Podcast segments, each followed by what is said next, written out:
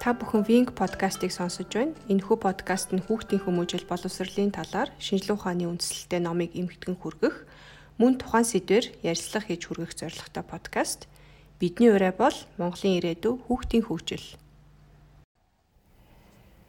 За, сайн байцгаана уу хүндэт сонсогчдоо. Манай 12 дугаар дугаар эхлэхэд бэлэн болж байна.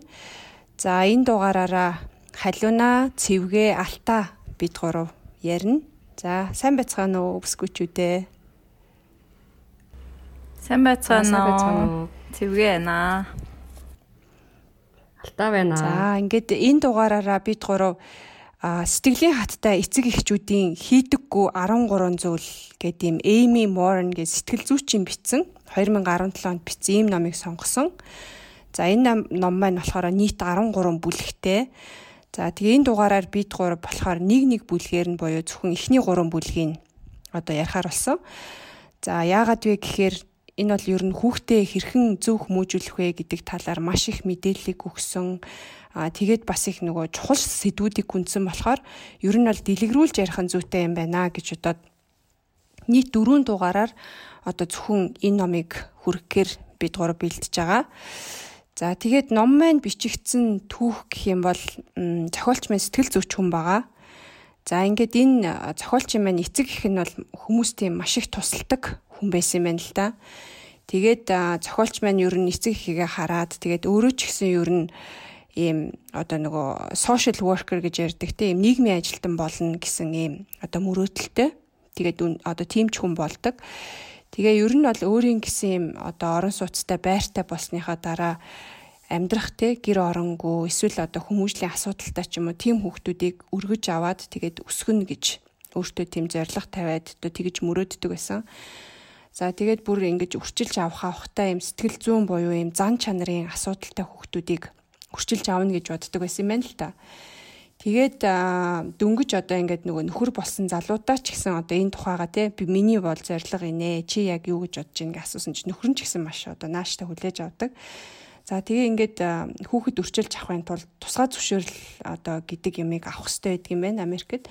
За тэгээ тэр процессоо яг ингээд нөгөө эхлүүлээд явдаг. Тэгээ тэр нь бас нэлээд уддаг юм байна л та.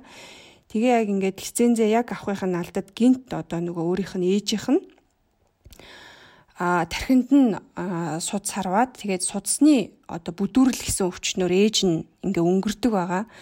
За ингээд яг ээжигээ алдснаас хойш 3 жилийн дараа одоо яг нөгөө нөхөр нь ч гэсэн бас цус харваад өнгөрдөг. Тэгээд энэ хүү зохиолч маань одоо ингээд маш хүнд хэцүү жилүүдийг өнгөрөөдөг. За тэгээд явж байгаад ингээ ерөөсөө дахиж хүнтэй суухгүй гэж одоо бодож исэн боловч нэлийн хэдэн жилийн дараа бас нэг юм залуутай танилцаад Тэгээд тэр хүнтэйгээ суудаг байгаа. За тэгээд тэр залуутайгаа ч гэсэн хоёлоо одоо яг нөгөө хүүхэд одоо өргөж аавна гэд те хоёлоо хичээгээд ингээд а бас яг нөгөө нөхөртөөгөө одоо энэ нөгөө тусгай зөвшөөрөл авах процессоо бас ингээ үргэлжлүүлээ явдаг. Тэгээд тэгсэн чинь хадам аав нь бас нөгөө хорт хавдартай болоод тэгээ бас нас ортог. Тэгээ ингээ хамгийн одоо ойрын 3 хүнээ алдсан те. Ингээд мэдээж өөрт нь маш хэцүү байгаа. Тэгээд өөрөө бол яг хөө сэтгэл засалч одоо сэтгэл зүүн зөвлөгөө өгдөг хүн учраас те. За би ер нь ийм хүнд хэцүү юм үеийн өмнө нугарч болохгүй те.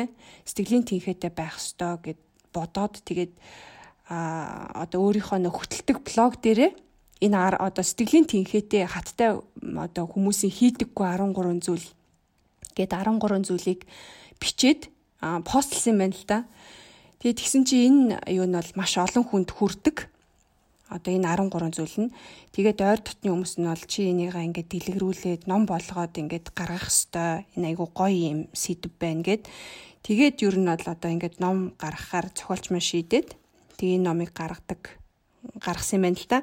Тэгээ нөгөө Amazon дээр хайгаад үзсэн чинь бас сэтгэлийн хаттай эмгтэй хүмүүсийн хийдэггүй 13 зүйл Аа тэгээ сэтгэлийн хаттай одоо хүмүүсийн хийдгүү 13 зүйл гэдэг юм гурван ийм цуврал ном юм байл л те. Гэ тэгээд бид гур болохоор сэтгэлийн хаттай эцэг эхчүүдийн хийдгүү 13 зүйл гэд тэгээд энэ номыг ярихаар сонгосон байгаа. За ингээд бүлэг нэгийг аа ярих гэж бодож байна. За бүлэг нэг нь болохоор сэтгэлийн хаттай эцэг эхчүүд хүүхдээ хохирогчийн сэтгэл зүйтэй болгож өсгдөггүй гэсэн ийм бүлэг байгаа. За энэ бүлэг нь болохоор ер нь өөрийнхөө амьдралд те бусдыг эсвэл өөрийнхөө сул талыг дандаа шүүмжилж гомдолдог хүүхэд болгож одоо өсөхгүй гэсэн одоо өсгөх хэрэггүй гэсэн одоо ийм утгатай бүлэг байгаа. За ингээ бүлэг болгон маань ингээд нэг хөөхөн жишээнүүдээр эхэлдэг л дээ. За энэ дээр ямар жишээ гардаг вэ гэхээр Коди гээд нэг ADHD буюу одоо монголоор анхаарал дутагдал хит хөдөлгөөнтөх эмгэг гэж байдаг те. Тим ADHD-тэй хүү байсан юм байна л да. Тэгээд аав ээж нь одоо манай хүү ADHD-тэй юм чин гэдэг энэ сургуулийн тавьсан шаардлагыг одоо биелүүлдэггүй те. Хүүдээ өрдөөсөө юм хэр халдаадгүй одоо хүүгээ дандаа юм өмөрдөг. А хүүгээ одоо янз бүрийн юм сургуулийн одоо гэрийн даалгавраас нь чөлөөлж ярддаг юм хүүхдээ аяг өмгүүлдэг аав ээж байсан юм л да. Тэгээд ер нь бол сургуулаас нь зөвлөсний үндсэн дээр одоо эцэг их нь одоо манай энэ зохиолчоос буюу сэтгэл зүйчээс зөвлөгөө авахар ирдэг байгаа. За тийм ингээд зохиолч эцэг ихтэй нь яриад, хүүхдтэй нь яриад, сургуультаа нь бас ингээд тусдаа уцаар яриад ингээд ингээд асуулт асуугаад үтсэн чинь яг зохиолчийн анзаарсан зүйл гэх юм бол сургууль бол маш их одоо нэмэлт багш гаргаж өгдөг те. А тэгээ тэр хүүгийн болохоор яг багшийн яг нөгөө ширээний хажууд суулгаад илүү их нөгөө бусад хүүхдүүдээс илүү их анхаарал халамж тавьдаг. А одоо хүүт нь аль болох ингээд ADHD-тэй юм чи ингээд илүү их анхаарал тавьд юм байна л та. А гэтэл бол сургуулийн зүгээс хичнээн тэгж хичээж байгаа ч гэсэн эцэг их нь ерөөсөө тэрийг нөгөө нэг яадгүй, оошоодгүй. Одоо ингээл гэрт нь гэрээний даалгаврын шалгаал гарын усыг зуруулаад явуул гээл тэгсэн бол эцэг их нь тэрийг хийдгүү ч юм уу. Эцэг их нь ерөөсөө юм а өөртөө айгу тийм хайнг байсан юм байна л та. За тэгээд эндээс хоёр зүйл ажигласан нь болохоор нэгдүгээрт бол кодигийн гэр бүл хүүгээ одоо юм ADHD гэдэг эмгэгтэй учраас хизээч амжилтанд хүрэхгүй те бусад хүүхдүүдтэй ер нь адилхан болох боломжгүй гэдэгт ингээ итгэцэн байсан эцэг их нь Аа тэгээ хоёрдугаарт нь болохоор коди ч гэсэн ер нь би хичнээн хичээсэн ч гэсэн би ийм эмгэгтэй юм чи хизээч бусад хүүхдэд одоо адилхан болж чадахгүйгээд ингээ ямар ч хичээл зүтгэл гаргахаа болцсон. Тэгээ ийм хоёр зүйл ажиглагдсан байгаа. Аа тэгээд зохиолч маань гурван зүйлийг кодигийн гэр бүл зөвлөсөн байна л да. Нэгдүгürt нь болохоор аа кодигийн те хичээлд нь одоо сургууль нь бүх юм заах, бүх юмыг заах ёстой гэсэн хандлага эцэг их нь өөрчлөөд а ээж аав нь өөрсдөө гэрт нь туслах хэрэгтэй гэд нэгдүгээрт нь зөвлөсөн. А хоёрдугаарт нь болохоор ADHD гэдэг эмгэгийн талаар илүү ихийг одоо тий мэдэж судлах шаардлагатай. ADHD-тэй ч гэсэн юм зөндөө амжилтанд хүрсэн хүмүүс байдаг гэдгийг та нар олж мэдэх хэрэгтэй гэж зөвлөсөн. Аа тэгээ гуравт нь болохоор коди бол ADHD-тэй ч гэсэн одоо тий хичээх юм бол амжилт гаргана гэдгийг коди одоо өөрөө өөртөө итгэх хэрэгтэй гэдэг ийм гурван зүйлийг зөвлөсөн юм байна л да. За тэгээд гэртээ ирээд одоо коди болон одоо эцэг их нь ингээд судлаад үтсэн чинь а ADHD-тэй ч гэсэн айгүй их тийм нөгөө нэг мундаг хөгжимчд, тамирчид, алдартай бизнесмэнүүд хүртэл те төрж гардаг. Тэгээ тэрийг уншиж мэдээд маш их гайхсан. За тэгээд аав ээж нь ч гэсэн яг ингээд төлөвлөгөө зохиогоод хичээлд нь тусалж эхэлсэн. За тэгээ урд нь олвол ингээл нөгөө заа заа яшиг ингээл тэртэтэргүү хичээсэн ч чадахгүй юм чи ингээл ингээл айгуус хүүхдээ ингээд сул зүгээр ингээд чөлөөтэй те видео тоглоом энэ төр зурагт энтрийн чөлөөтэй үзүүлдэг гэсэн болол одоо болохоор зөвхөн хичээл хийсэн тохиолдолд өдөрт 30 минут видео тоглоом тоглоно гэдэг юм уу те а одоо тиймэрхүү өөрчлөлтүүдийг хийж эхэлсэн. За тэгээ ингээд хэдэн 7 хоногийн дараанаас маш эерэг өөрчлөлтүүд гарч эхэлсэн байна л да. Тэгэхээр ер нь бол энэ эндээс яг юг ойлгох ёстой вэ гэхээр сургууль болохгүй байна гэл те бусдыг буруутгаал эсвэл би ADHD гэсэн эмгэгтэй юм чим тэртээ тэргүү чадахгүй гэсэн ийм одоо хохирогчийн сэтгэл зүй буюу ийм бусдыг буруутгасан өөрийгөө одоо сул талаа буруутгасан ийм бодлоо буюу хандлага өөрчилснөөр а өөрчлөлтийг авчирч чадна гэдгийг одоо энэ жишээнээс харж болноо. За тэгээд ер нь бол одоо ингээд хохирогчийн сэтгэл зүй гэж яг юу хэлээд байна хаална. Хохирогчийн сэтгэл зүй гэдэг нь одоо юу гэдэг дандаа нөгөө нэг юмыг бусдаас бурууга хайдаг. Одоо энэ хүүхдийн жишээн дээр их чинь яг нөгөө нэг өөрийнхөө эмгэгээс бурууга хайж байгааз би эдийч намайг ингээд төрүүлсэн юм чинь би яах юм гээл те. Аа тэгээд эцэг их нь болохоор сургуулаас бурууг нь хайгаад байгаа үстэй те. Өөртөө яг нөгөө хичээхгүй мөртлөөсөө Тэгэхээр ер нь бол дандаа нөгөө нэг бусдаас буруу хайна л гэсэн үг байхгүй юу? Тэгээд за би ингээд бусдаас буруу хайдаг юм уу те? Би надад юм дандаа хохирчин сэтгэл зүй байдаг юм уу гэдгийг өөрөөсөө ингээд асуугаад үзээрэй те? Ингээд гээд хитэ асуултууд өгсөн байгаа л да. Энэ дээр болохоор ингээд эцэг их өөрийгөө ийм одоо өөрөө хохирчин сэтгэл зүйтэй юу гэдгээ мэдхийн тулд ийм ийм асуултыг асуугаад үзээрэй гэсэн байна. За энэ дээр болохоор та ингээд хамаг сайнаараа те байх гэсэн чи хин нэгэн эсвэл одоо ямар нэгэн нөхцөл байдал таныг тийм байхад садаа болдог гэж та дандаа боддгоо. Бусдаас юм уу дандаа нөхцөл байдлаас алдааг хайдгүү гэсэн үг байна те. Ойлгогдож байна уу?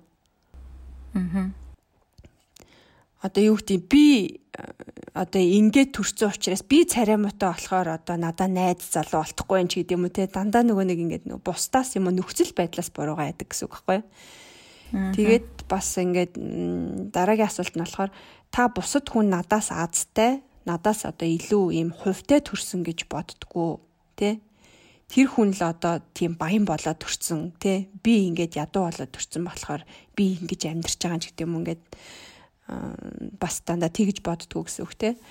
За тэгээ бусад хүмүүсийн бодол их байдаг баха те. Аа. Бусад хүмүүсийн асуудалд болохоор шийдэл байгаад байгаа хэрнээсээ таны асуудал одоо те зөвхөн ингээд бусдаас өөр юм шиг санагддгүү те. Ямар нэгэн асуудал байлаа гэхэд бусад хүмүүс л одоо ингээд харахаар те тэр асуудлаа шийдээд байгаа юмсаа таны асуудал нэг бусдаас амар хэцүү юм шиг те тэгэж санагддгүү. За тэгээд та ихэнх цагаа бусдын зам байдлын талаар буюу одоо ингээд хүний талаар те тэр нь танд яаж нөлөөлдөг талаар ярьж өнгөрөөдгүү гэж асуусан байна л да. За тэгээ бас таны амьдралд бүтэлтэй юм байхгүй юм шиг танд санагддгүү. Бусад хүмүүсийн амьдрал ингээд нэг болоод байгаа юм шиг те. Зөвхөн таних л ингээд нэг бүтлгүй байгаад байгаа юм шиг тэгж санагддгүү гэсэн мэт. За тэгээд хүүхэд хүмүүжүүлэхдээ хүүхдийн талаар бас одоо хүүхдийн тань муухай ааш таныг бурхан тэнгэр ч юм уу те. Тэнгэр гисгэх гэсэндээ одоо хүүхд ч юм балиар муухай ааштай байдаг гэж боддгоо аа тэгээ хүүхдийнхээ алдаа дутагдлын шалтгааныг бусдаас ирж хайдгоо а хүүхдийнхээ өмнө одоо буруутай гэж мэдэрдгүү тэ? Хүүхэдтэйгээ ихэнх цагийг шийдэл биш асуудал ярьж өнгөрөөдгүү. А заримдаа хүүхэдтэй нь ямар ч нэмэргүй юм арчаагүй хүн юм шиг танд санагддгүү. За тэгээд яг ийм асуултуудыг ингээ өөрөөсөө ч юм уу те өөрийнхөө хүүхэд хүмүүжүүлж байгаа арга барилаасаа ингээд бодоод үзэхээр хэрвээ ихэнх нь тийм гэсэн асуултыг та хариулж байгаа бол та бол ер нь өөрөө ийм хохирогчийн сэтгэл зүйтэй буюу хүүхдээ ч гэсэн яг иймэрхүү хүн болгож хүмүүжүүлж байгаа юм байна гэсэн ийм анхаарлын тэмдэг гэсэн үг юм байна л да. За тэгээд энэ дээр болохоор бид нэр хүүхдээ санаандгүйгээр одоо ийм хохирчин сэтгэл зүйтэй болгодог жишээнүүдийг бас дурдсан байгаа. За энд болохоор ингээд хүүхдийнхээ хажууд дандаа те яхаараа дандаа л надад ийм тохиолддог байна. Би яагаад ийм азгүй юм бэ гэл заримдаа нөө хилдэг штэ те бид нар санаандгүй. Тэгээ хүүхдийнхээ хажууд байн ингээ хилээд ах юм бол хүүхэд чинь одоо бас л яг тэрийг ингээл ухамсартай хийгээл өсгөн л дээ те. За тэгээд мөн хүүхдээ одоо ямар нэг эмгэх ч юм уу хөгжлийн бэрхшээлтэй бол энэ талаар хүүхдтэйгээ илэн далангүй ярихын оронд хүүхдээ одоо дандаа өрөвдөөд өөрийгөө буруутгаж харцдаггүй одоо ээж нь л чамайг ийм болгоод төрүүлчлээ уучлаарай ч гэдэм үү те? Дандаа тэгэж харцдаггүй аа тэгээд хүүхдийнхаа чадварыг бас нөгөө бид нар дутуу үнэлт юм байна л да. Хүүхдийнхаа одоо юуг илүү сайн чаддаг вэ гэдэг дээр төвлөрхийн оронд а юуг чаддгүй вэ гэдэг дээр нь төвлөрөөд загнаад одоо өглөөд идэх те. Жишээ нь одоо юу гэдэг жоохон замраагүй хөхтэй хам бол чи одоо ингээл дандаа заварж явах ингээл гэтэл нөгөө хөхт чинь бас сайн давуу талууд зөндөө байгаа шүү дээ. Тэнгүүд ингээд дандаа муу талыг хилээд тах юм бол бас юм хөрчин сэтгэл зүйтэй хүүхд өсөгчтэй юм байна л да бид нар. За тэгээд мөн хүүхдээ одоо зовж зүдэрч байгааг харж чадахгүй байх те. Ямар нэгэн юм хийх гээд дөнгөж ингээл оролдоол хүүхд ч одоо нөгөө одоо юу ч хийж чадахгүй шүү дээ те гутлаа өдөг ч юм аяг угаах гээл ингээл нэг жоох ухамдчих дээр нь юм болгон дээр нь гүйж очиж туслаал асуудлаас ингээл авраал гаргаал ах юм бол яг л юм бусдын гарыг хардаг. Одоо бусдад гомдолдог те тийм хөвгт болж өсгөөд идэм байх л та бид нар. За тэгээд энэ дээр болохоор ер нь бол хүн бүрийн амьдрал юм харилцан адилгүй байдаг те. Жишээ нь болохоор зарим нь одоо мөнгөгүй ч гэдэм үү эсвэл зарим нь ангийнхаа хамгийн намхан ч гэдэм үү ингээд хүн болгоны амьдрал харилцаа адилгүй. Тэгэхээр ер нь бол хүн ийм нөхцөл байдал те хүнийг болон хүүхдийг хохирогчийн сэтгэхүйтэй болгодгүй мэн л та. Харин тухайн нөхцөл байдалд хэрхэн хандаж байгаа хандлага нь одоо хүнийг болон хүүхдийг хохирогч одоо хохирогчийн сэтгэл зүйтэй болгох юм. За тэгээд хүүхдээ хохирогчийн сэтгэл зүйтэй болгохгүй тулд эцэг эхнэр бид нар юу хийх ёстой вэ? гэдэг дээр нь а нэгдүгээрт нь бол төрөүний хэлсэн одоо асуулт шиг те хүүхэд чинь ийм хохирогчийн сэтгэл зүйтэй буюу ингээд байнга бусдад гомдолдог, бусдыг буруутгаад байна уу гэдгийг ажиглах хэрэгтэй байна. Эцэг эхийн үднэс. За энэ дээр яаж ажиглах вэ гэхээр хүүхэд чинь шийдэл олохоос илүү дандаа асуудал дээр төвлөрч байна уу те? Гомдлол муухай ажиллал уруу царайлал өөрийгөө өрөвдөөл ингээл нөгөө энийг одоо ямар нэг асуудалтай тулгарлаа хэд би яаж шийдэх вэ гэхийн оронд дандаа ингээл асуудлаа яриа л те? Дандаа тийм сөрөг зүйл яриад байна уу? Тэрийг нь анзаарах хэрэгтэй. За хоёрдугаарт нь болохоор сөрөг зүйлд дандаа анхаарлаа хандуулад байна уу те? Одоо жишээ нь ингээл нөгөө сургуулсаа яриа л те зөвхөн өөртөө таардгүй нэг л хүүхдийн тухай яриа л те.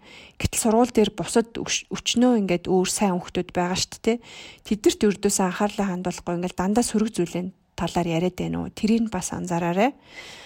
За тэгээ бус гуравт нь болохоор бусдад одоо итгэхээ болж гин үгүй те.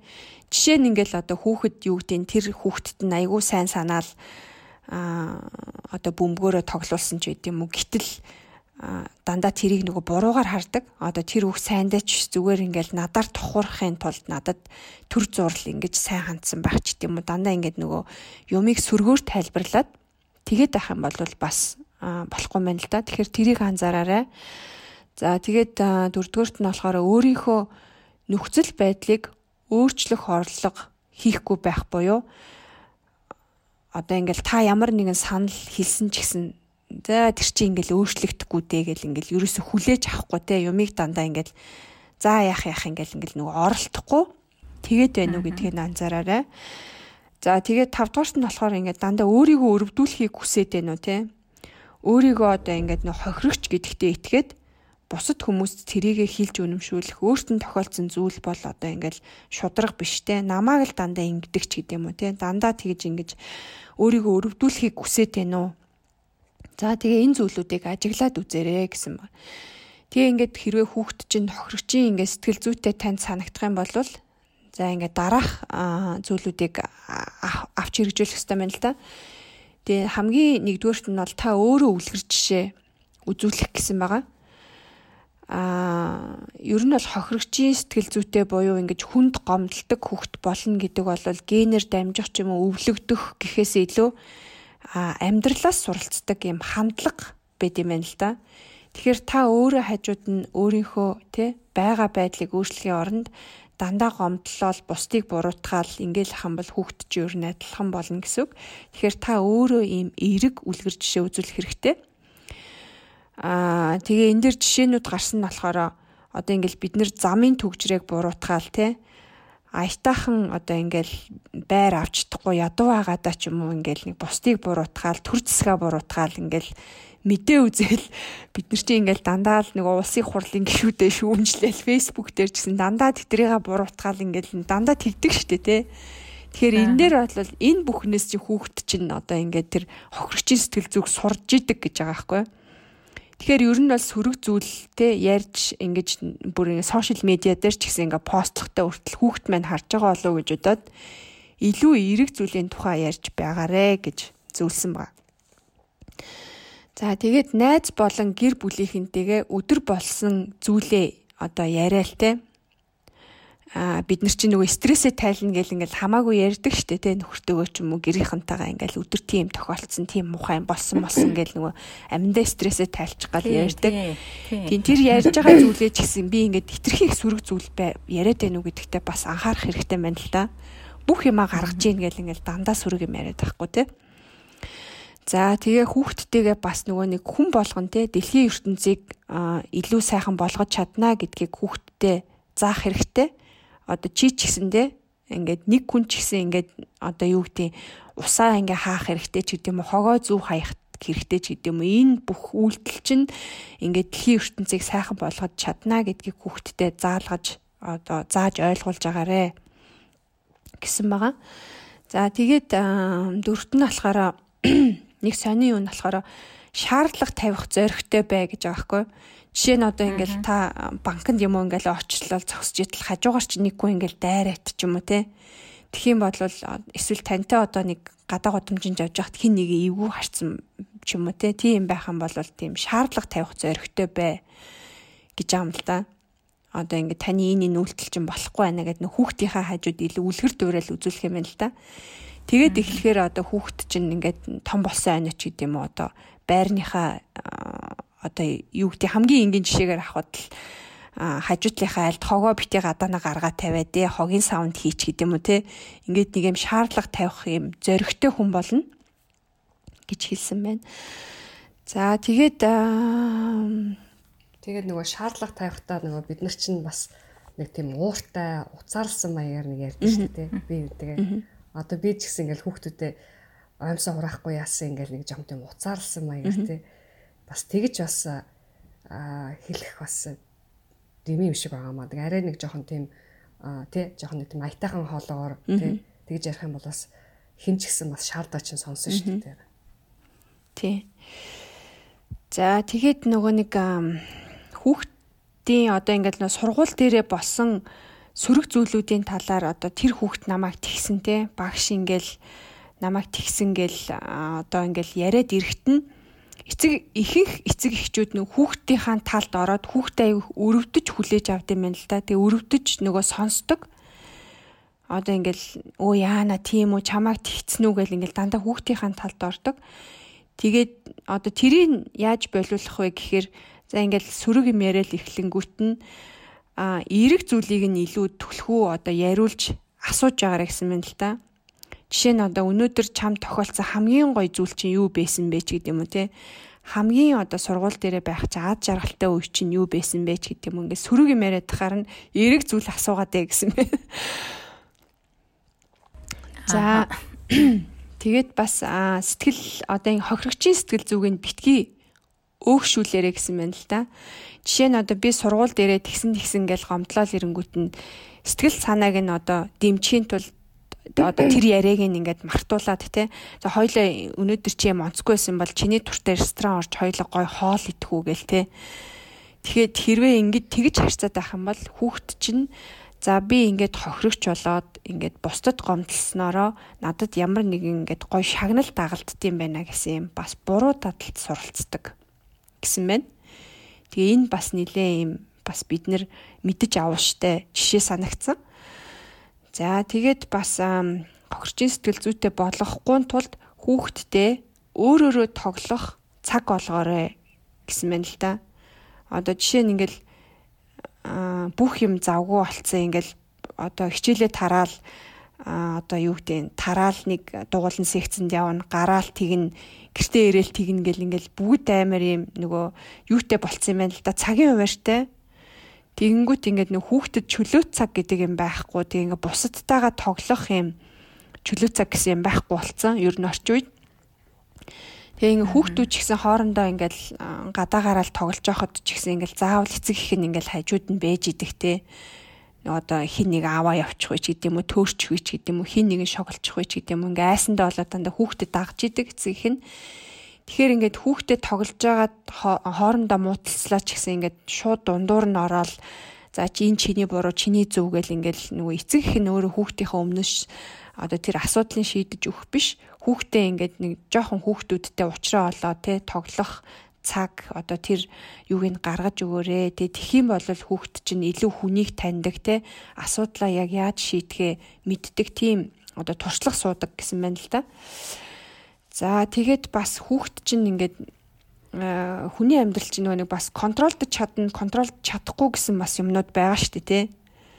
Жишээ нь одоо би бол өөрийнхөө зан чанарыг контролдож чадна, өөр хүнийг бол контролдож чадахгүй, тий. Тийм болохоор тим юм байдаг гэдгийг бас багаас нь хүүхдтэй ойлгуулах хэрэгтэй гэсэн байна л да. Жишээ нь одоо чи бусдын зан чанарыг хянж чадахгүй те тэр хүүхэд чамайг төрсөн өдөртөө урьж чадахгүй бол чи тэр урихгүй бол одоо чи тэр хүүхдийн өмнөөс шийдвэр гаргаж чадахгүй. Тийм болохоор чи нөгөө нэг илүү ингээд тэрэнд гомдлоод байхаас илүү өөрийнхөө хандлагаа л одоо өөрчлөх хэрэгтэй гэсэн байна л та. За тэгээ энэ дээр нөгөө нас насаар нь бас ингээд хөөхөн англиад юунууд өгсөн байгаа зөвлөгөөнүүд. За сургуулийн өмнөх насны хүүхдтэй харьцахтаа яаж харьцах вэ гэхээр та илүү сонголт өгч харьцаа гэсэн мэн. Чи одоо эхлээд гутлаа өмсвүү, пальтоогоо эхэлж өмсөх юм уу гэд ингээд те одоо юм болгон дээр нь ингээд сонголт өгөөрэй гэсэн мэн. Ингээд сонголт өгснөөр би юу хийж одоо чадахгүй вэ гэхээсээ илүү би юу хийж чадах вэ гэж хүүхэд нөгөө боддог болд юм байна л да. Тэгэхээр ер нь бол өөрийнхөө нөхцөл байдлыг өөрөө хянаад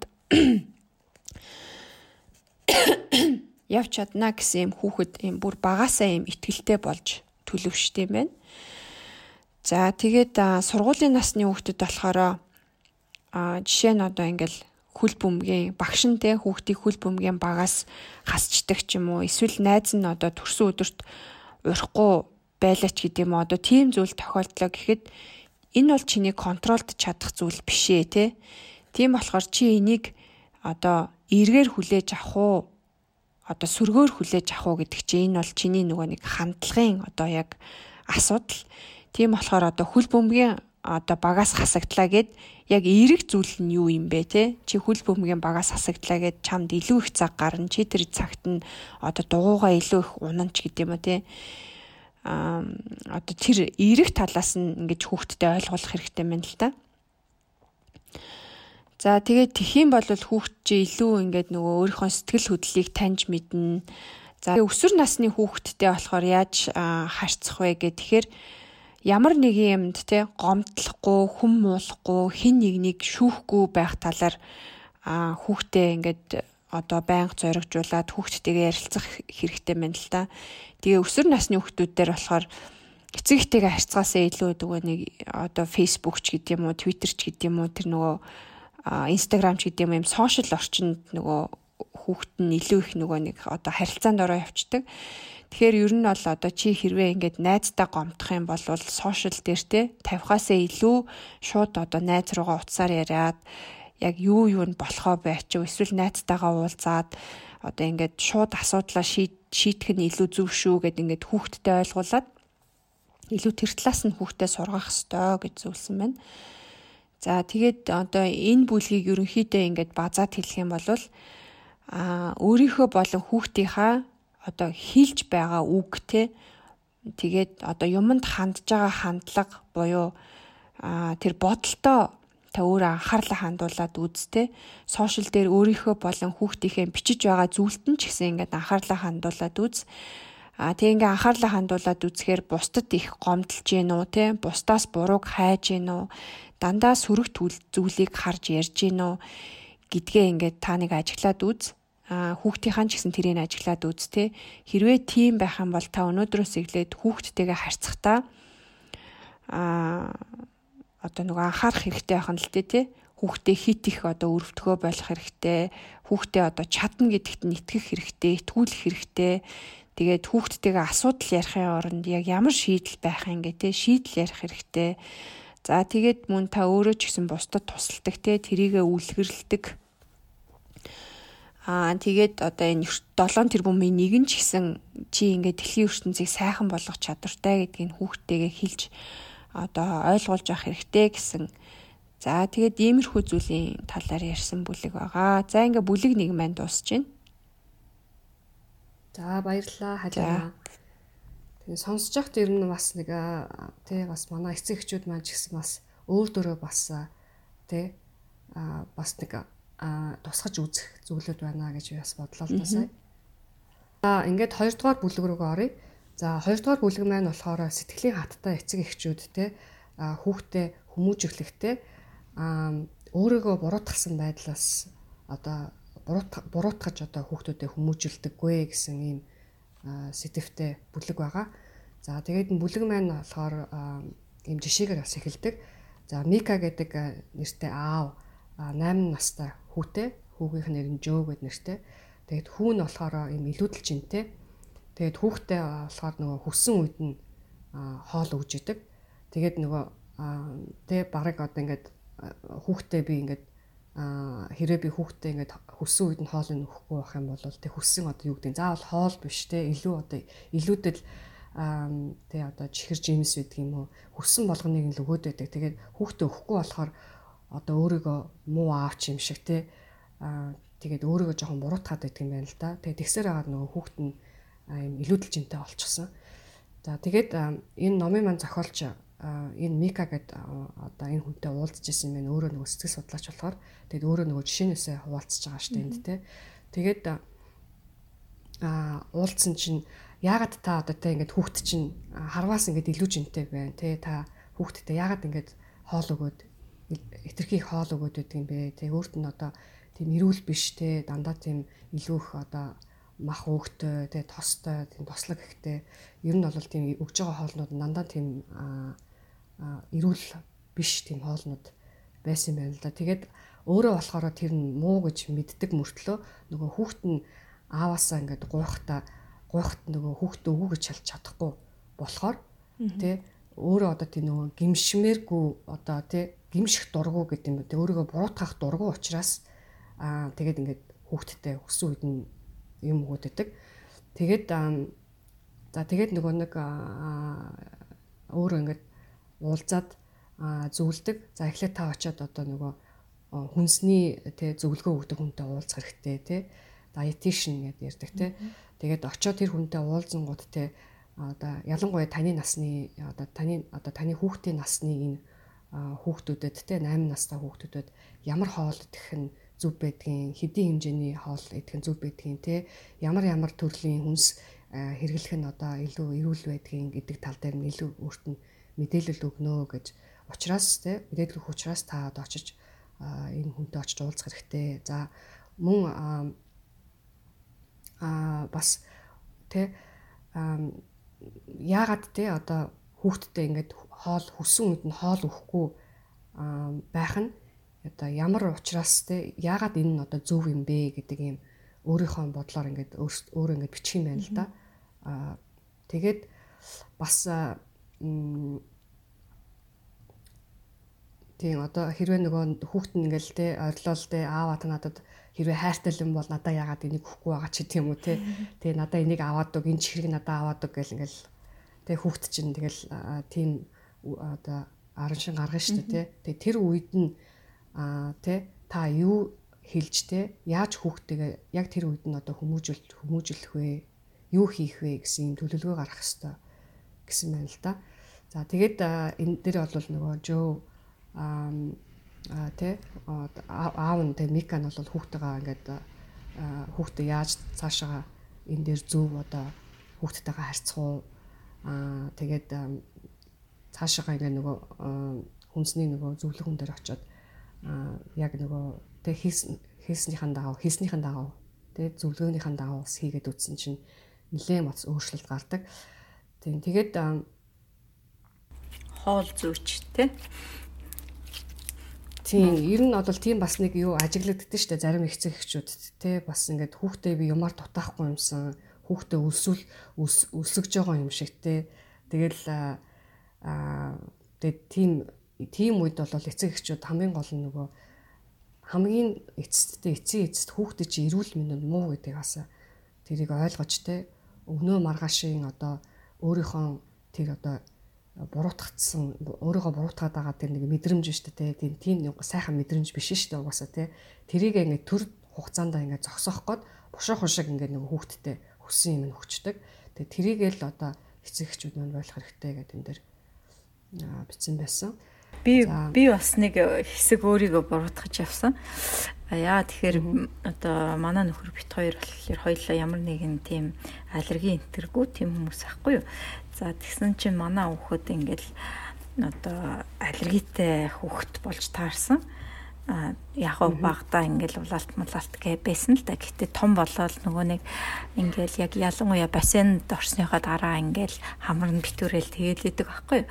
Тэгээ би тэгээ ээж маань надад танаа хүчин хамраасаа угаахгүй шүү гэд хэлсэн. Тэрнээс болоод би ингээ хүүхдтэй хамрын угаахын зааж өгөөгүйгээсээ болоод хүүхд маань одоо ингээ хамраа сайн угаахгүй байжгаад ингээ аллергитэй болчлоо гэ би нэг хэсэгтээ тэгж бодож явсан. Тэгээд эмчтэр нөгөө аллергийнхаа эмчтэр очисон чи өө юу гэж те? Тэр чин аллергитэй хүн болвол те одоо янз бүрийн юмнаас янз бүрийн шалтгаанаас аллерги авч болно зөвхөн тэр хамраа угаахаас болоод ингээ аллерги авчихгүй. Тэгж өөрийгөө битгий тэгж зугааж яваа гэд. Тэгээд би жоохон тайвширсан гэхүү те. Аа Тэгэхээр нөгөө бас мэрэгжлийн дээр очиод бас нэг зөвлөгөө авах бас чухал юм шиг байна тий. Бас өөрийгөө буруутгаад яваад байснаас аа бас ингээд очиод уулзаад бас тий аа тэгвэл бас бид нараас арай нэг жоохон өөр мэдлэгтэй болоод бас тий зөвхөн бидний хийсэн үйлдэлээс биш тий бас бусад бас өөр зүйлүүдээс бас шалтгаалж бас хүүхдүүд маань аа тийм одоо юутай аа юутай чинь тий альва нэг өвчин ч юм уу тийм юмтай болдог гэдгийг бас ойлгох хэрэгтэй юм шиг байна тий. Тэгсэн чинь тэр эмч тэгж яахгүй. Ээж нар дандаа л нэг надаас болоод гисэн явж явах юм гэсэн тэгж хэлж байгаа байхгүй. Хөрхис тэгэл өөрснийгөө буруутгаал явж идэг. Харин тийм. Тэгээ нь ер нь тийм нийтлэг бас нэг тийм юм шиг байгаа маа тий. Нэг аран шин гэх юм уу хандлага ч юм уу тийм шиг байгаа эцэг эхчүүдийн хувьд. Тэгээд энийг уншиж надад бас нилээн бас нэг тийм өөртөө бас өөрчлөлт гаргах бас тийм хэрэгтэй юм байна гэж би ойлгосон бас. За энэ дээр бас яагаад те эцэг эхчүүд одоо ингээд өөрийгөө ингээд зинлээд идэх юм бэ? Буруутгаад идэх юм бэ гэдэг энэ дээр бичсэн байсан. За хид хідэн одоо ингээд англиад үзсэн байл дотор нь за зарим хүмүүс бол а ерөнхийдөө бол тийм өөрийгөө буруутгах те өөрийгөө зинлэх юм амьдралд бол гарна тэмж байх ёстой те буруу юм хийчээ тэрийг бас анзаарч үзээд бас засахгүй засах хэрэгтэй шүү дээ. Тэгэхээр тийм байж болох тийм одоо юу гэдгийг хэмжээний тийм одоо гимшил бас гимшил бол байх ёстой. За энэ нь болохоор альва зүйлийг хийчээ дараа нь тэрийг өөрчлөх тийм одоо урам өгдөг ч юм уу да тий.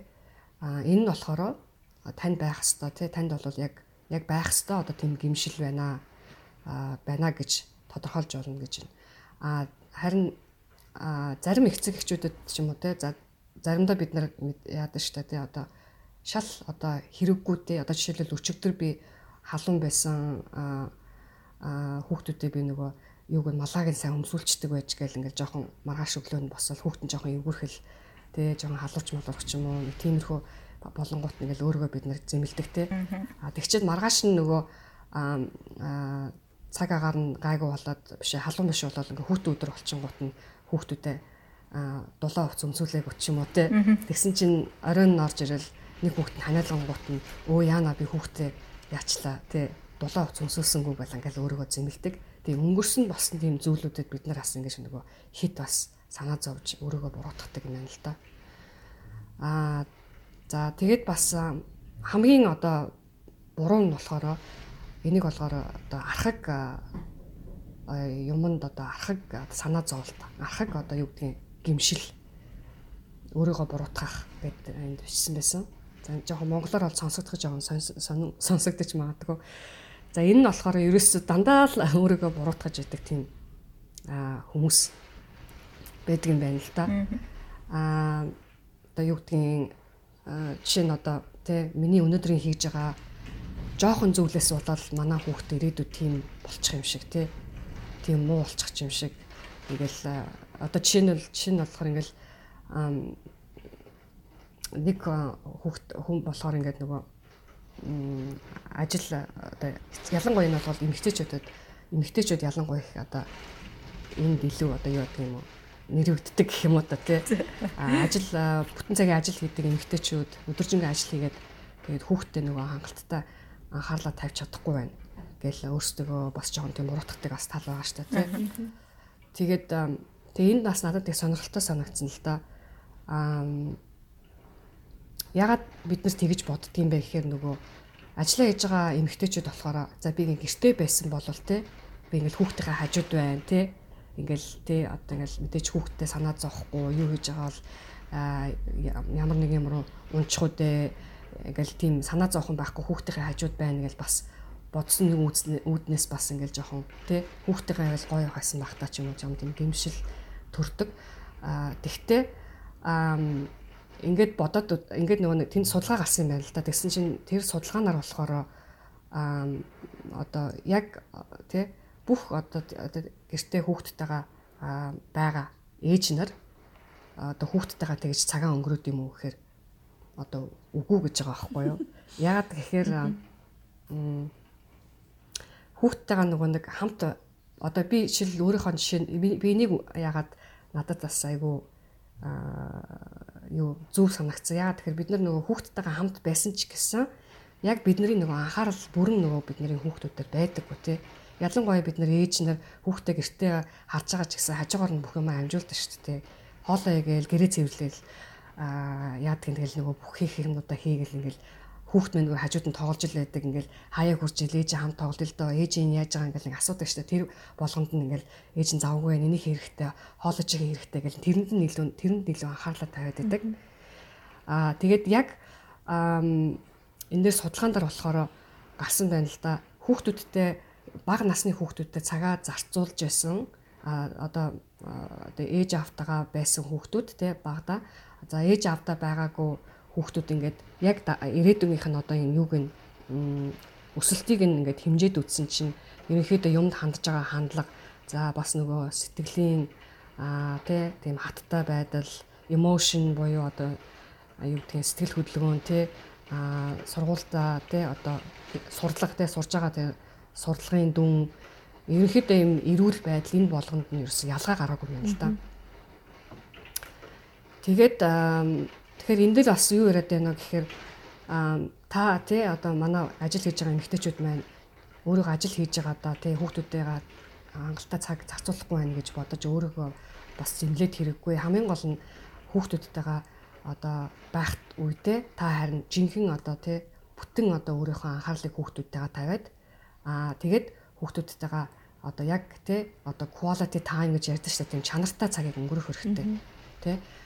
Бараг эсэргээрээ ч үж магадгүй юм шүү тий. Ингээ бодоод исэн чинь одоо жишээ нь ингээл өдөржингөө ажиллаж ажиллаж иржээл нөгөө нэг бас гимшиж байгаа шүү дээ тий. Хүүхдээ цаг гаргасан гүйл Тэнгүүтээ за би ямар ч үсэн энэ хүүхдэдээ 30 минут гаргаатыг гээл те ярилцаал баг гэртээ өдөржингөө байгаа мөртлөөсөө чанартай цаг гаргаж одоо тэ сураагүй ч юм уу боломжгүй ээжүүдийн хажууд баг ажиллаж ирээд оройн 30 минут цаг гаргавал баг илүү болох гээд шүү дээ. Яг оноо. Тэгээд энэ дээр бас ингэсэн байсан. Харин нэг зүйл дээр бид нар бас анхаарах хэрэгтэй юм л да. Өсвөр насны хүүхдүүд харин бид нар нөгөө одоо ингээл хүүхдүүд томрол ирэнгүүт за одоо ингээл тий миний ажилд орох цаг боллоо одоо ингээл өөрийнхөө бас карьерээ бодё гэл ингээл тий Харин хүүхдүүд ингээд өсөөд өсвөр наснд хүрээд ирэхээр эцэг эхчүүд хүүхдүүдтэйгээ илүү анхаарал тавих хэрэгтэй тийм ээ л да. Одоо судалгаанаас үзэхэд бол сая бол ялгаагүй гэж гарч исэн. Харин өсвөр настай хүүхдүүд одоо тий жишээ нь ээжтэйгээ агартайгаа илүү цаг өнгөрөөдөг хүүхдүүд хүүхдүүдийн одоо сэтгэл зүйн байдал илүү одоо эрүүл байдаг юм байна л да.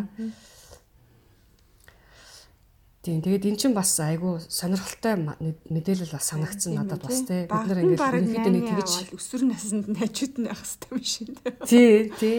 Тийм мэдээж яг нааны авахта хүүхдээ харах хүн авахта бас нэг зүүн хүн авах хэрэгтэй л да бас тий бас найдаж болохоор гэхдээ ер нь бол битгий тий өөрийгөө ингээл шаналгаал тий энээс болоод бүх хүүхдтэйгээ байж чадахгүй байна гэд өөрийгөө бити буруутгаас л гэсэн ийм санаатай бүлэг юм байлаа. За ер нь манай эцэг эхчүүд бас яадаг гэхээр одоо өөрийгөө бас бусдад харьцуулж бас үздэг. Харьцуулаад тэгээ тэрнээсээ болоод бас өөрийгөө бас сайн ээж аваад чадахгүй байна гэж бас бид нар боддог тий. Одоо ингээл сошиал медиагаар ч юм уу тэгэл хүүхдүүдтэйгээ тоглоал тий хүүхдүүдтэй амар мундаг том ингээл юу ядгийн ингээл парти марти тий төс өдрийн тэмдэглүүлээл Тэгэл ингээл хүүхдээ амар лаглаг ингээл дугуулан мууланд явуулж байгаа ч юм уу гэл те. Ер нь ингээл бид нэр ингээл бусдыг хараад айгу өөрсдөө жиштэй шүү дээ. Өөрийгөө ер нь ямар байгаагаа тэгээ тийм байдлаас болж бид нар бас өөртөө бас өөртөө бас тийм юу гимшсэн тийм сэтгэл бас төрүүлж байдаг юм байна. За тэгээд зарим эцэг эхчүүд ингээд хүүхдүүдтэйгээ цаг зарцуулж байгаа байхгүйгээсээ чадахгүйгээсээ болоод гимшлээсээ болоод ингээд тэрнээсээ үүдээд юм буруу үйлдэлүүд гаргаад байдаг. Жишээ нь ингээл хүүхдүүдтэй хитрхийх ингээл тоглоом молоом авч игэл те. Би ингээл чамтад чиг одоо цаг өнгөрөх чадахгүй юм чи одоо ингээл өнөөдөр гараал ингээл хамаг дуртай юмнууд нь авч игэл ингээл те. Тэгээд энэ дээр нөгөө энийг инээдтэй юм дээр нэг Jennifer Lopez шүү дээ дуучаа. Тэр хүртэл ингээл те а хүүхдтэй ингээл юу ч авч чадах хүн тэр бол те бүхэл ингээл те а байгаад тэр болгоныг нь авчиж чадах хүн мөртлөөл тэр хүн бас өөрийгөө бас л ингээд буруутгасан буруутгаж ярьсан байгаа байхгүй юу. PBS гэх нөгөө телевизийн нэвтрүүлгээр өөрөө ярьж байхдаа өөрийгөө одоо жоохон буруутгаад те би бас ингээд хүүхдээ тэ бас зүг өсгөж чадахгүй байгаа гэж буруутгах чаа. Тэгэхээр ерөөсөө өөрийгөө буруутгах тийм одоо шалт шалтгаан бол зөндөл байгаа. Тэ тэгэхээр хамгийн гол нь тэ энэ тэр буруутгах байгаа энэ байдал маань дандаа энэ бүх юм дээр та өөрийгөө буруутгаад байна уу? Эсвэл өөрийгөө хийж чадах тэр тэгээ өөрийгөө өөрчилж чадах тийм зүйл байна уу? Тэрийг бас хараад анзаараад үзээрэй. Хэрвээ өөрөө хийж чадах зүйлүүд байх юм бол одоо өөрөө тэгээ тэндээ бас юу гаргаад санаачлал гаргаад бас өөрчлөх хэрэгтэй гэж. Ийм зүйлүүдээр за ингээд зохиолч маань ингээд хэд хэдэн зүйлүүдийг бас санал болгосон байна л да. Юу хийх ёстой вэ та тий хэрвээ та өөр дөрөө тийм одоо хандлагыг анзаараад аа тий анзаарах юм бол тийм хандлага тань байдаг гэж та одоо анзаарвал юу юу хийх вэ? За эхлээд бол юу гэж асуух хэрэгтэй гэхээр манай хүүхдэд одоо сөргөөр нөлөөлсөн одоо нөлөөлөх зүйлийг би хийсэн үү гэж ингээд суугаад бодож үзэх хэрэгтэй юм байна гэж юм. За тэгээд бас бас нэг асуулт нь болохоор а тэ миний зүгээс бас нэг өөрчлөх зүйл одоо юу вэ наа би өөртөө бас одоо өөрчлөх зүйлүүд юу вэ наа гэж асуух хэрэгтэй. Жишээ нь бол хэдэн жилийн өмнө салчсан болвол тэ энээсээ болоод одоо өөрийгөө зэнлээд байдаг бол энд бол ямар ч шаардлага байхгүй тийм ээ аль хэдийн болоод өнгөрцөн зүйл. Аа хэрвээ одоо тэ хүүхд чинь гэрийн даалгавраа хийхгүй тэ байх юм бол харин тэн дээр та анхаарал тавихгүй хүүхдээ хүүхдээсээ одоо хүүхдэд шаардлага тавихгүй байх юм бол тэ энэнийг бол та бол өөрчилж чадах зүйл тэ. Тэм учраас энийг бас бодох хэрэгтэй гэж байна. За бас аливаа зүйлийг би өөрөө яаж хийж болох вэ гэсэн тийм асуултыг бас өөрөө өөртөө бас тавих хэрэгтэй гэж байна. Тэгин тэгээд жишээлбэл бид нар ингээл хүүхдүүдтэйгээ авахтаа ингээл тэ уцаа ингээл уцаараа тоглол утсан дээрээ тэ бидний анхаарал ингээл байж идэв штэ тэ юугаас шагнаал мессеж ягаал сошиал медиагаар ороод ингээл манай хүүхдүүд бас тэгдэг байхгүй юу. Ээж та над утсаа болиодаг. Би одоо хүүхдүүдэд тэгж хэлгээ оронд те. Одоо нөгөө хүүхдүүд мань жоохон байгаа болохоор бас тэ магадгүй ингээд одоо намайг дуурайгаад хүүхдүүд маань хэдэн жилийн дараа өөрсдөө нөгөө өсвөр насны хүрээд ирэхээр тийм болох бас боломжтой байхгүй эцэг эхчтэй харж харж өсөж байгаа юм чинь те. Тэгээд тийм тохиолдолд та бас өөрийгөө анзаар те хүүхдүүдэд та бүрэн анхаарал өгөх чадахгүй тийм үеүдээ тэг яаж та энийг өөрчилж чадах вэ гэдэг бас өөрөөсөө асууж өөртөө бас одоо өөрчлөлт хийх хэрэгтэй гэж. За тэгээд эцэг эхчүүд маань бас нөгөө ирээдүг бас ингээд нөгөө тэг бүх юмыг одоо муухай болчин муу болчин гэж одоо зөвнөж бодхоо болоо гэж энэ дээр бас аа энэ дээр нэг жишээ байна л да. Нэг ээж нөгөө хүүхдээ 10 настай хүүхдээ нөгөө сагсан бөмбөгийн юм зуны юм нөгөө хүүхдийн цуслан одоо байдаг юм байна л да. Тэгээ тэр нөгөө хүүхдийн цусланд хүүхдээ явуулж чадаагүй.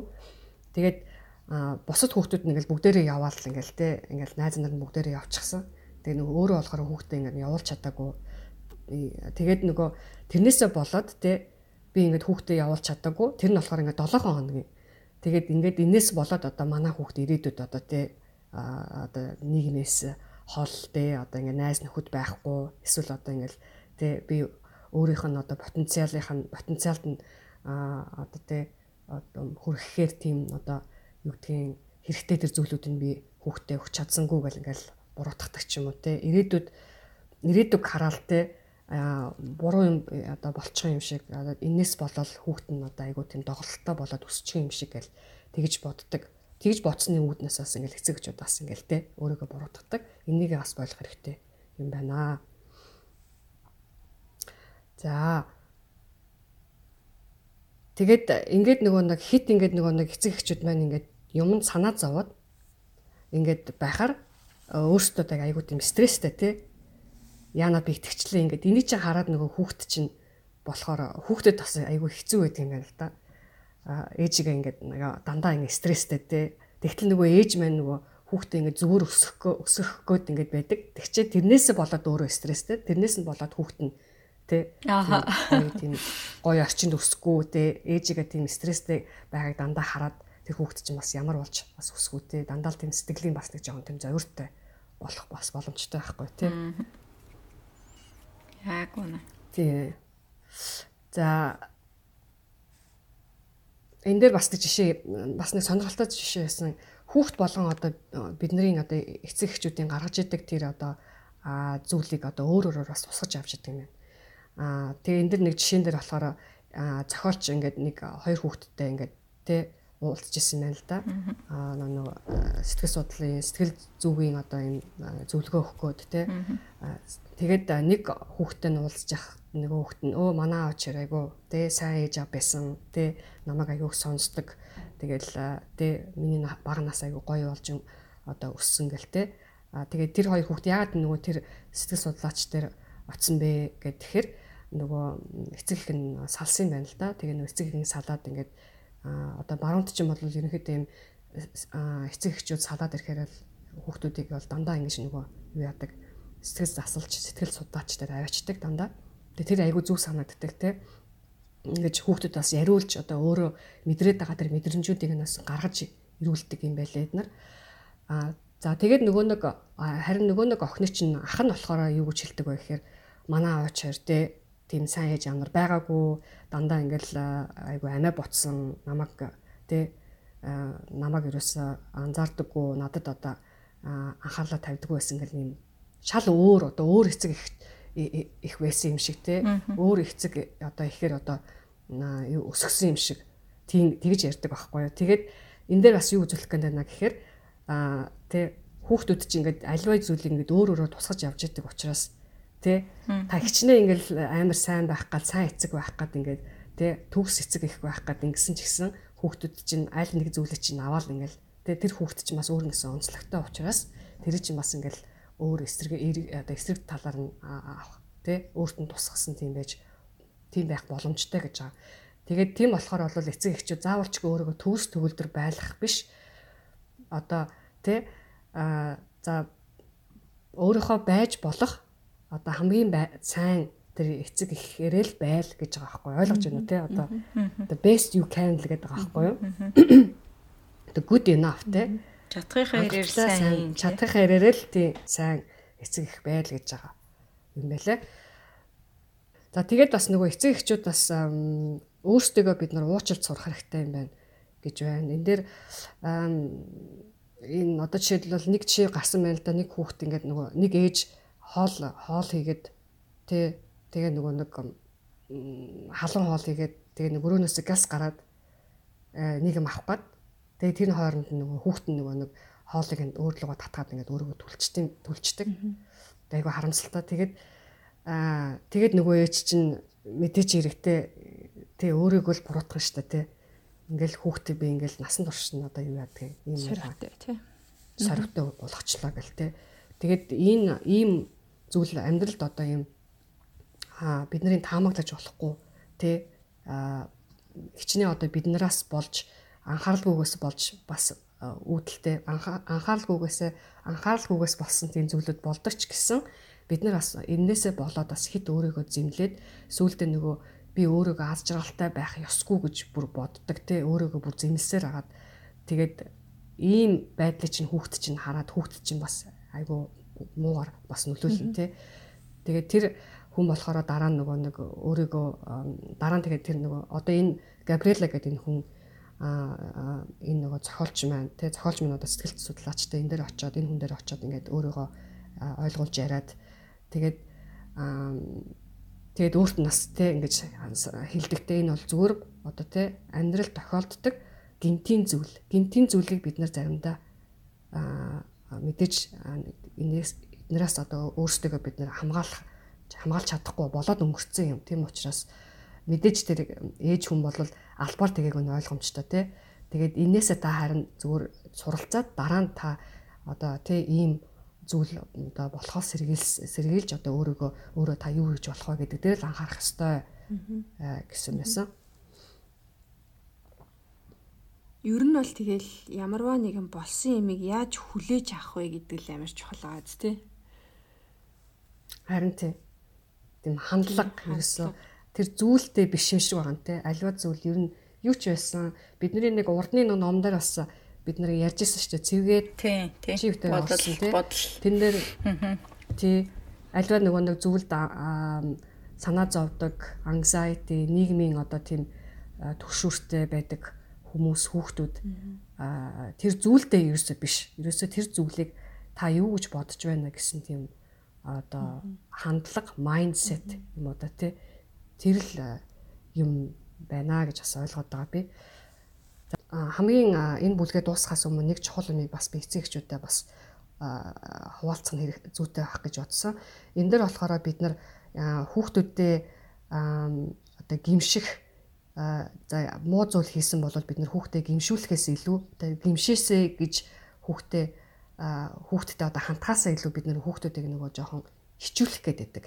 Дээр бол нөгөө ичих те одоо ингээл нөгөө нийтийн хүүхдүүдийн бусад хүмүүсийн хажууд хүүхдээ ингээл буруутгаад ч юм уу те тийм зүйлээс зүйл бас байж болохгүй гэж юм л да энэ дээр хэрвээ хүүхд чинь ингээд нөгөө альва буруу зүйл хийсэн бол аль болохоор одоо хүүхдтэйгээ ойр харилцаж те одоо хоорондоо ингэж энийг учраа олохгүй одоо хүмүүсийн хажууд ингээл бид нар чинь ингээл нэг тийм бас яаж байгаа чи гэлөө айгүйх тохиолдсон байдаг байдаг байдаг. хүмүүс хурж ирээд те ингээл найз нар чи хар чи найз нар чи хаан чи нэг өөрийгөө хар гэл те. Тэгэл энэ дээр чсэн бас нэг жишээ байсан нэгэл нэг эмэгтэй ингээл хүүхд нь нөгөө амар сахилахгүйдаал болохгүйсэн байл л да. Тэгээ нэг сургууль дээр нөгөө юу н захирлан дуудаж ирээл амар их юм ингээл те хүүхд чи ингэсэн тэгсэн ингээл ингээл хэлдэг. Тэгэл нөх хүүхдийн дуудаж оруулаад оруулж ирсэн чи ээж нь хүүхдээ хараал чи яаж ингэж байна те? Чи ээжигээ ингээл чи өстө миний чихийг ингээл халууцуулаад гэл ингээл ингээд хүүхдээ нөгөө олонний өмнө ингээл нөгөө буруутгаал загнаал тэнгуут нөгөө хүүхд чинь тэрнээс юу болж юу одоо авч үлддэг вэ гэхээр а надад асуудал байгаа юм. Би л ерөөсөө юм асуудалтай те. Миний миний одоо энэ характер зан замд ямар нэгэн одоо бусад хүмд байдаггүй нэг тийм муу юм байгаад байна гэж ойлгож өсдөг. А тэрний оронд хүүхд чинь нөгөө хүүхдээ илүү нөгөө тийм буруу юм хийсэндээ гимшүүлэх одоо гимшигт нь жоохон одоо одоо юу гэдгийг гимших одоо тийм а одоо чадварыг тийм хандлага.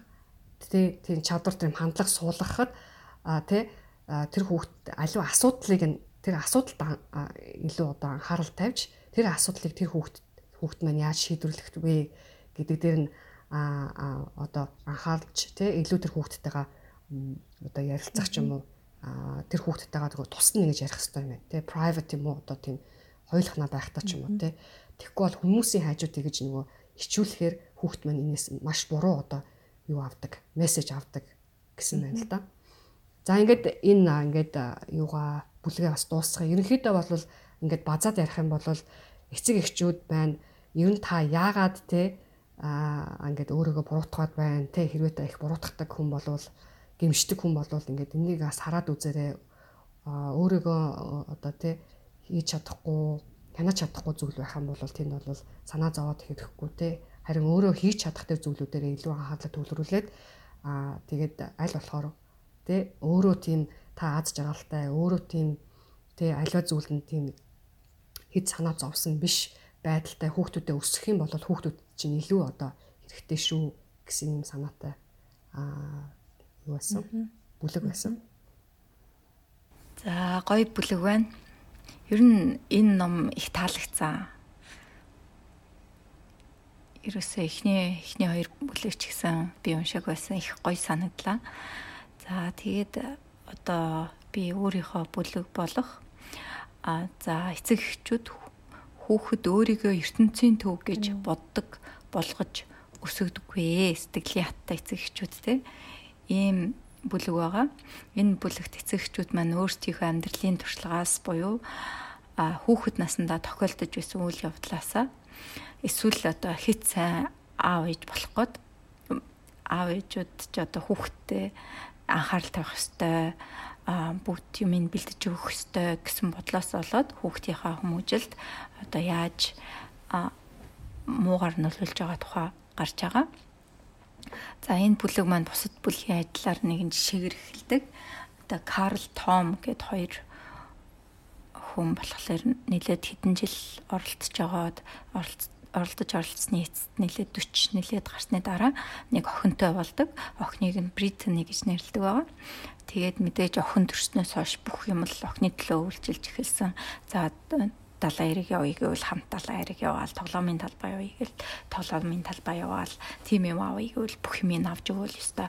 Алган дээрээ бөмбөрүүлж өгсөн нөгөө хоёр чинь тэгэл нэг мэдсэн чинь нөгөө охин нь ерөөсө гэрийн ажил юу ч хийж үзээгүй. Дандаа л ингээл тоглоол ингээл баясаал явж идэг нэг хүн. Аа тэгээд тэгсэн ирнэ. Ингээ 12 наснаасаа эхлээл янз бүрийн ааш гаргаал ерөөсө бусдыг үлтээгоол те ээж автагаа маргалдаал. 14 нас хүртэл хүрсэн чинь нөгөө асуудал маань нэлээд гүнзгийрсэн бүр ангийнх нь хүүхдүүд манай сургуулийн ааштай охин гэд нэрлэлсэн байсан те. За тэгээ зохиолч дээр буюу сэтгэл зүйч дээр тэр гурав очисон байдаг. Тэг яриаг нь сонсоод зохиолч минь одоо ярианаас нь юг ойлгосон бэ гэхээр Британий хүн бол өөрийгөө ертөнцийн төв гэд ойлгочихсон хүн байсан. Тэгээ хүнтэй ээлжилж тоглоно, одоо ээлжилж ярина, ээлжлэн хин нэгнтэй харилцана гэдэг харилцааны чадвар бол ерөөсөө 0 байсан. Тэгээ Британигийн аав ээжт нь болохоор зохиолч маань за охиндоо одоо харилцах харилцаагаа яаж яаж өөрчлөх вэ гэдэг зөвлөгөө өгсөн байна. Тэгээ эхний их ээлжинд болохоор охиндоо үгүй гэж хэлж сурах хэрэгтэй. Тэгээд үгүй гэж хэлсэндээ нөө хатуу зогсдог байх хэрэгтэй. Хэлсэн үгэндээ байдаг байх хэрэгтэй. Аа тэгээд Британигийн Карл бол номын санч хүн байсан. Том болохоор инженер хүн байсан. Өө за амьдрал ерөөсөө тэр охиныг эргэн тойрон амьдрал яваад идэх юм аа. Тэгээ ээж нь бол номын санч хүн юм аа, аав нь бол инженер хүн юм аа гэдгийг одоо мэдрүүлэх хэрэгтэй. Юм болохоор л охиныхоо юмыг босоол хийгээд байдгүй тийм тэрүүнийг одоо таслан зогсоох хэрэгтэй гэж зөвлөсөн. За мэдээж хүссэн бүх зүйлийг нь авч өгөх хэрэггүй. Мэдээж энэ хоёр бол ганц охиндоо хүссэн бүхнийг нь авч өглөхгүй л яг уу те Тэгээд ингээ хит ихээр авч өгөөд ямар нэгэн хариуцлага хүлээхгүй болохоор нөгөө хүүхэд чинь ямар нэгэн хариуцлагагүй том хүн болж болж тэгээ хүссэн материалын зүйлээ аваад тэгээд өөрийгөө маш чухал буюу одоо ертөнцийн төв гэж бодоод байдаг байх нэ. За тэгээд зохиолч маань та эцэг их та хүүхдээ өөрийгөө ертөнцийн төв гэж гэж боддог хүн болгож өсгөөд байна уу үгүй юу энэ талаараа та мэдхийн тулд одоо энэ асуултуудыг өөртөө тавиад үзэрэй гэсэн байгаа. За хэрв та хүүхдээ байнга магтаалын үг урсгаж байдаг бол одоо хүүхдээ ертөнцийн төв өөрийгөө ертөнцийн төв гэж боддог хүн болгож өсгөөд байгаа юм байна. Аа за хэрв та хүүхдээ босод хүүхдээс онцгой гэж ботоод идэг бол бас тэг хүүхэдтэй ямар нэг зүйл хийхэд бүх юм орхиол хүүхдийнхаа хийх ёстой зүйлийг ингээд хийгээд явцдаг бол бас тэг а хүүхдээ бас хит ихээр эрхлүүлдэг бол та өөрийнхөө өөрийгөө ертөнцийн төв гэж боддог хүүхэд өсгөөд байгаа юм байна гэж өөрийгөө бодох хэрэгтэй байна. За эцэг эхчүүд ягаад а хүүхд өөрийгөө ертөнцийн төв гэж боддог болох хүүхдийг ертөнцийн төв гэж боддог болгочоод идэм бэ. За хит хитэн одоо шалтгаан байдаг юм байна. Эцэг их одоо сайн эцэг бол хүүхдийнхээ төлөө бүхнийг хийх ёстой гэсэн буруу ойлголт эцэг эхчүүд байдаг. Энэ бодлоос болол ерөөсөө Карл Том хоёр маань охиндоо бүхнийг зориулаад охинтойгоо сайн байвал охин маань бусад хүмүүс бусдыг хүмүүстэй сайн байж чадна гэж бодоод байсан. Гэтэл охиндоо хүмүүстэй яаж харилцахыг зааж өгөөгүй мартчихсан. Оронд нь одоо охин нь тэрнээс нь болоод хитрхи эрхэмсэг хүссэн бүх зүйлээ нэгдэг. Одоо амар нийди гэсэн үгтэй тийм хүн болж өсөж исэн байна. Тэгэхээр өөрсдийнхөө юу сонирхдаг хин гэдгээ марттлаа охиндоо уулчилж түүний хүссэн бүхний хийдэг болсон. За би нэг юм наан чи нэг хэлий гэж бодлоо л доо. Манай охин одоо манай охин ч 5 настай. Тэгээд нөгөө дөрөвтэй ахта энд чинь нөгөө нэг аа одоо сургуулийн өмнөх насны одоо цэцэрлэг маягийн юмудаа ингээд явуулж хэлсэн байхгүй юу. Тэгээд аа ингээд заримдаа нөгөө найз нартайгаа тоглоё гэд ганц хоёр найз нар гэртээ авчираад ингээд тоглоод тоглуулах гад. Тэгээд нөгөө манай охин нөгөө найз нартайгаа таардаггүй ерөөсөө. Таарахгүй ингээл нөгөө өөрийнхөө хүснээрээ байлах гад байлах гад бүх юмыг нөгөө найз нар нь ч гэсэн бас өөрөө өөр юм бас тогломоор байгаа байгаа. Тэгээд ингээд хоорондоо дандаа юм таарахгүй ингээл найз нар нэрх болгонд нь л ингээл нэг асуудалтай уйлчихсан байж байдаг. Би тэгээд нөгөө а өөрөө нөгөө айлын баг болохоор би бас охиноо нөгөө эрхлүүлсэн л байх бас тий. Тэгээд нөгөө өөрийнх нь хүссэн болгонд нь би бас нөгөө өөрөө ингээд нөгөө өөрийгөө буугаад өгчдөг бас тийм байсан байхгүй. Тэгээд тэр нөгөө яг тийм нөгөө а юу анзаарчихсан надаа нөгөө бусдаа ингэж нөгөө харьцаж чадахгүй. Тэ тэгээд тэр үед нөгөө нэг би за ерөөсөө ингэж заах юм байна чи тэ найз нартайгаа сайхан харьц. Тэгэхгүй бол найз нар чинь дахиж чамтай хурцж тоглохгүй гэд. Тэгээд би нөгөө тэрэндээ жоохон бац огсон байхгүй. Би тэгэхэд бас одоо энэ нөгөө подкастаас ингээд оролцоод ном ном уншсан байсан уу яасан. Тэгээд Аа тэгээд нөгөө тэгээд нэг хэд хэдэн удаа нөгөө чи уйлаад айгүй нөгөө уйлж байгаа юм л та тэр бүр ингээл хэвээр мараг надад те та яста муухай ээж гэж байгаа юм шиг л над руу хараад хэвээр нэрэ та арайчтай гэж байгаа юм шиг те. Тэр үед надад бас жоохон хэцүү байгаа юм л да бас жоохон ингээл те би арай жоохон хатуу андчуудаа охиндаа гэл те. Тэг яг ингээд дараа нь ингээд басан чи одоо ингээд манай охин айгүй гоё ингээд хүүхдүүдтэй ингээд аргаа болоод ингээд тоглолдог болчихсон. Тэгэхээр нөгөө хүүхдүүдтэй бус хүмүүстэй бид нар нөгөө хүүхдүүдтэй өсөхдөө ингээд эрхлүүлээл те. Би ч гэсэн ээж аавтаа бас эрхлээл ингээд өссөн. Яг ингээд нийгэм гараад ирэхээр бусдтайгаа яаж харьцаж чадхаа харьцаж чадхаа мэд сурч өсөөгүй байдаг байсан байгаа байхгүй. Тэгэхээр тэрийг бас ингээд бид нар багаас нас хүүхдүүдээс ойлгуулж яг тууштай бас хүүхдүүдэд чи тэгээ чи ингэж хандахгүй чи зөвхөн өөрийнхөө хүссэн юмыг авах гэдэг юм бол хинт чамтай тоглохгүй гэд бас үр дүнгээс харуулж хэлж явах хэрэгтэй байна шагаа тий. За тэгээд энэ том за алтаа шиг те том карл хоёр шиг биш юма гэхэд те а алтаа шиг одоо ингээд хүүхдийгээ те а ямар нэгэн байдлаар онцгой ч юм уу те бусдаас илүү ч юм уу те тэгж үздэг эцэг эхчүүд нэлээд юм байна л да.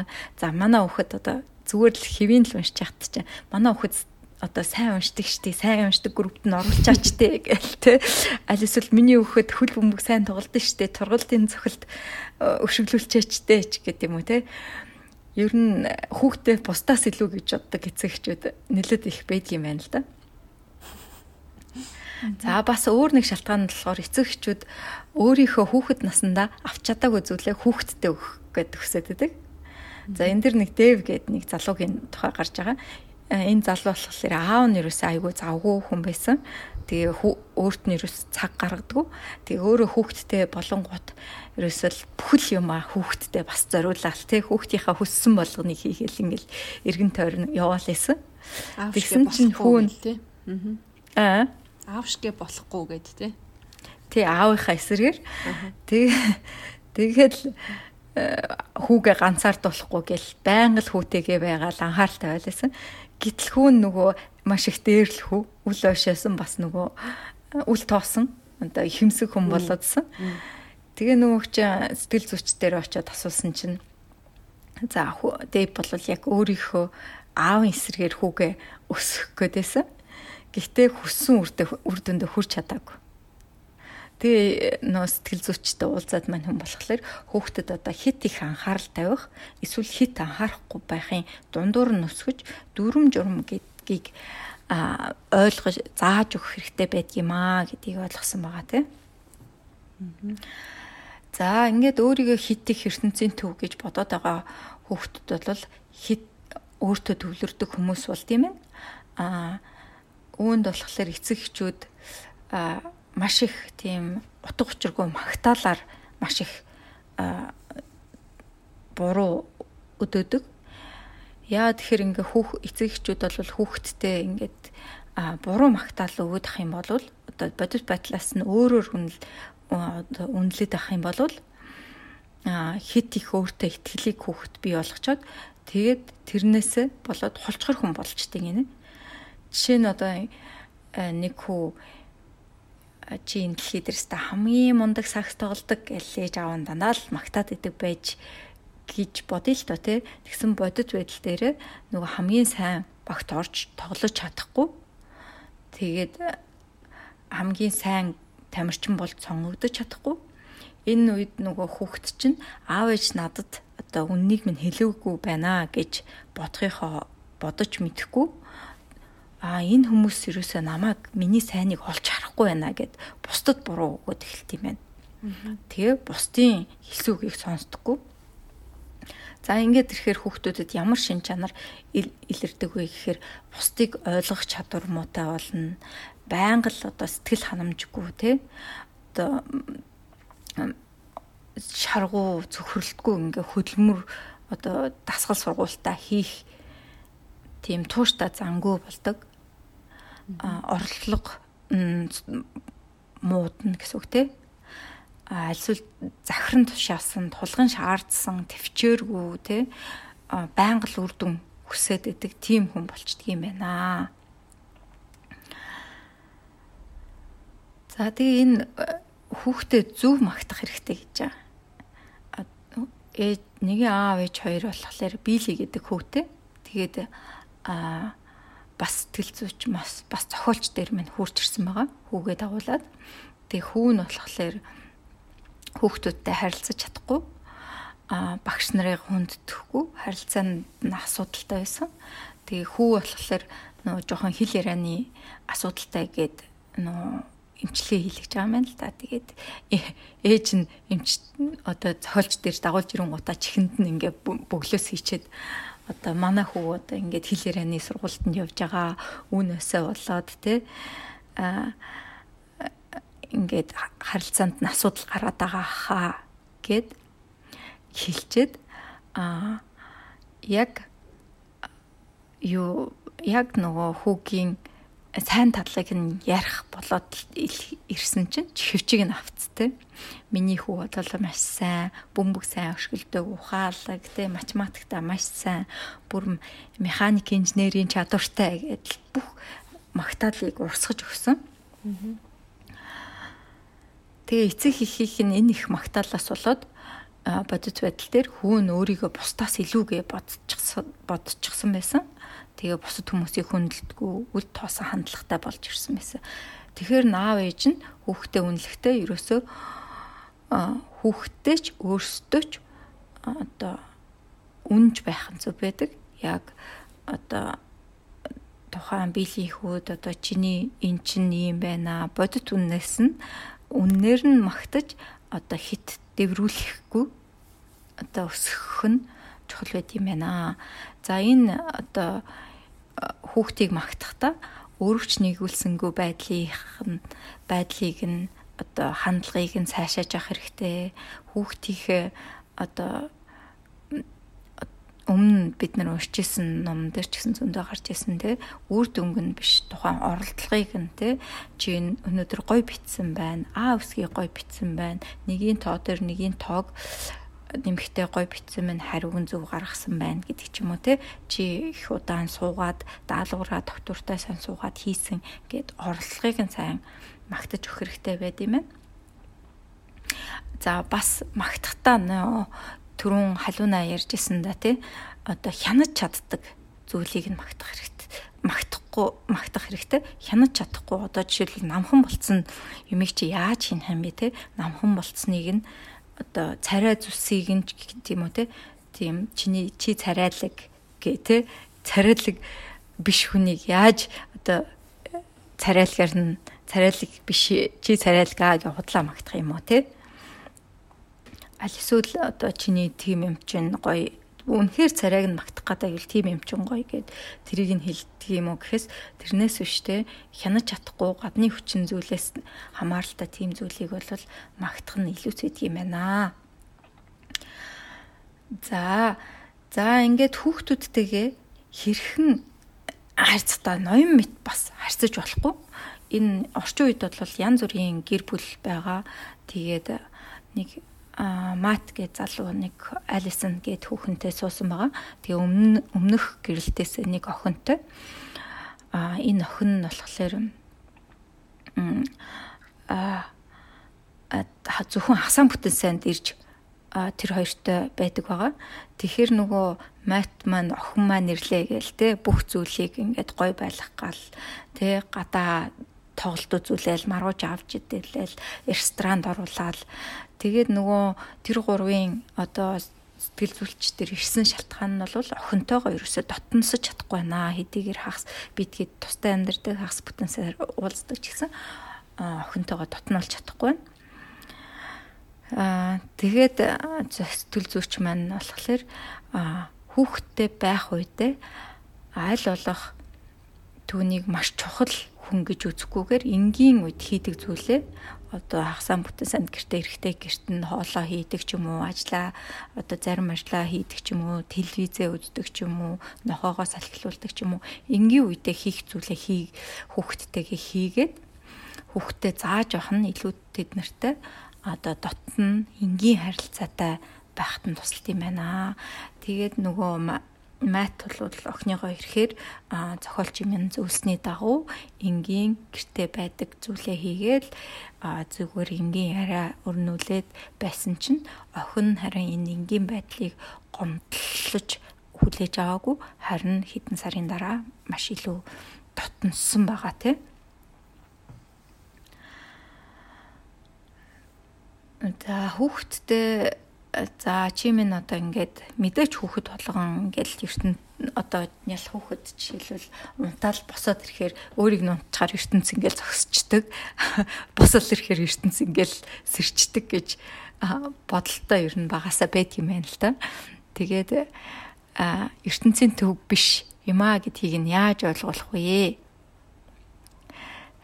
гэд энэ сүүлийн хэсэг нь энэ талаар ярьж байгаа. Жишээ нь болохоор хүүхэд нь хин нэг нэг одоо найзаагаа ингээд цохоод ч юм уу те нэг муухай үг хэлээл гомдоочлоо гэж бодъё л доо те. Тэр үед нь одоо нөгөө хүнийг нь ойлгох талаар асуултыг за мэдээж яг тэр тухайн үед нь очиод дайраал чи гэд асуухгүй дараа нь тэ тайвширсан үед нь чи тэр үедээ ямар алдаа гаргасан бэ? Чиний үйлдэл одоо бусад хүмүүст яаж нөлөөлсөн бэ? Хэрвээ чи тэр хүүхдээсэн бол яах байсан бэ? Дараа нь хүүхдийг гомдоохгүй тулд яах ёстой вэ гэх зэргээр асуулт тавиад ярилцах ёстой юм байна. Бас хүүхдтээс талархах сэтгэлтэй болгож өсгөх хэрэгтэй. Талархах сэтгэлтэй хүүхэд болохоор нөө бусдад атаархах сэтгэл бага, материаллык зүйлд хийж чундаггүй тэ сэтгэл готролд ордоггүй орох нь баг ийм одоо судалгаа байдаг юм байна. Тэгэхээр талархах сэтгэлтэй хүүхдийг одоо яаж болгож өсгөх вэ гэхээр өдөр тутмын татад талархах тийм зан үйлийг хийж занших хэрэгтэй гэдэг юм байна. Жишээлбэл хүмүүс одоо талархлын дэвтэр гэдгийг одоо хөтэлдэг штэ тий. Аль эсвэл одоо нэг шилэнд одоо бүх талархаж байгаа зүйлээ бичээд өдөрт нэг талархаж байгаа зүйлээ бичээд аа тийшээгээ хийдэг ч юм уу те гих маягаар талархах одоо сэтгэл зүйд сургах хэрэгтэй байдаг юм байна. Наа чи харин гоё юм биш үү? Бас хүүхдүүдтэйгээ суугаад гэр бүлэрээ суугаад те өнөөдөр бүгдээ нэг гоё гэр бүлэрээ нэг юм хийнэ гэж яагаад те бас бага насны хүүхдүүдэд бас хийхэд сонирхолтой л тийм юм байна тий. Хаас нэг харин тий. Надаа энэ атаархал багтай материалыг зүйлж ундаггүй сэтгэл готролд ордоггүй гэд энэ судалгааны үр дүн надаа их таалагдсан энэ талархах сэтгэлтэй хөөхтөнд тий. Гол нь нөгөө нэг өдөр тутам хийн гэдэг юм л амар хэцүү те. Нэг хэсэг хийчихсэн нь марцчих. Харин тууштай хийн гэдэг юм л нэлээд чухал. Тууштай тийм одоо 7 хоногт нэг яг цаг гаргах хэрэгтэй юм бэлээ. Би ер нь анзаарч чад би нэг одоо хүүхдээ хэл монгол хэл зааж байгаа байхгүй юу. Тэгээ яг нөгөө 7 хоногт би яг юу гэдгийг дөрөвт өдрийн яг одоо хичээлийг нь дуусч ирэнгүүт яг тэр цагт ингээд би ингээд хүүхд мөхтэй найз найз тоглоё гэсэн ч гэсэн үгүй. Одоо чиний нөгөө монгол хэл сурах цаг чинь ингээд яг ингээд нөгөө юу болгочоор хүүхд чи угаасаа хүлээгээд авчтсан бэлээ. Яг цагийн хуваарт нь оруулаад тэр шиг адилхан нэг яг тий яг ийм юм хийн шүү гэл нэг жоохон яг тийм юу хуваар гаргачаал ёстой юм шиг санагдсан надаа. Талуу нэг юм хүүхдтэйгээ хий гэж бодож байгаа бол. За ингээд зохиолч маань ертөнцийн дэлхийн ертөнц бусад хүмүүс өөрийг нь тойрч эргэлдээгүй шүү гэдгийг хүүхд хүүхдүүдтэй яаж ойлгох талаар одоо насыг нь англиад зөвлөгөө өгсөн байгаа. За бага насны хүүхдийг бусдыг бусдыг ойлгох чадвар суулгахын тулд хүүхдийг аль болох бага наснаас нь бусдыг ойлгох чадварт зүгээр байдгийг сургууль зүгээр байдаг юм байна. Хамгийн амархан арга бол өөрийгөө ойлгож байгаагаа илэрхийлж ярилцах. Жишээ нь хүүхэд нь бүдэрч унаад өвдгөө шалбалсан бол өө өвдөг шалбарахаар их өвдөж байгаа бах та гээл те. За хүүхдтэйгээ сэтгэл хөдлөлөө хуваалцах, илэрхийлж сурахт нь туслах, а сэтгэл хөдлөлөө нэрлэхт нь туслах хэрэгтэй тийм ээ. За баяртай байна, гунигтай байна, ууртай байна. Тэ энэ энэ бүх сэтгэл хөдлөлүүдийг өөрөөр нь бас ингээ гаргуулах юм бол хүүхэд бүр илүү их сайн ойлгодог гинэ. За мөн телевиз үзэхдээ одоо ингээл нөгөө Google-т ингээд үзээ сууж байхад одоо янз бүрийн дүрнүүд янз бүрийн сэтгэл хөдлөл гаргана шүү дээ тий. Тэрийг ингээд зогсоож жагаад тайлбарлаж ярилцвал бас хүүхэд илүү ойлгод юм байна. А ном уншснаас илүү ойлгодог гэсэн судалгаа гарсан юм биш үү. Аа Сургуулийн насны хүүхэдтэй болохоор сайн дурын ажил хийхийг зааж өгөх хэрэгтэй бэ тийм ээ. Сайн дурын ажил хийхэд хэд хүүхдүүд бусдыг илүү сайн ойлгодог. Мөн сайн дурын ажил нь хүүхдэд зориг утга учир авчирч өгд юм байна. Аль болох эртгээ эхлүүл мэдээж сайн эхлүүлэе гэж бодоод яваад байгаа. За тэгээд сайн дурын ажил хийвэл а хүүхдүүд зөвхөн өөрийнхөө өөрийнхөө асуудалтай гэж бодохгүй бусдын асуудлыг ойлгодог, шийдэхэд нь тусалдаг тийм хүн болж ирдэг юм байна. За сүр насны хүүхэдтэй дэлхий өөрийг нь өөрийнх нь бодож байгаагаас том гэдгийг ойлгуулах хэрэгтэй. За орчин үед болохоор а хүүхдүүд өөрийнхөө үйлдэл бүрийг ингээл сошиал медиа дээр тавиал те лайк авчих гал те өсвөр насныхан ялангуяа өөртөө анхаарах байдлыг илүү чухалчилж байгаа. За тэгээд энүүнийг баг байлгахын тулд эхлээд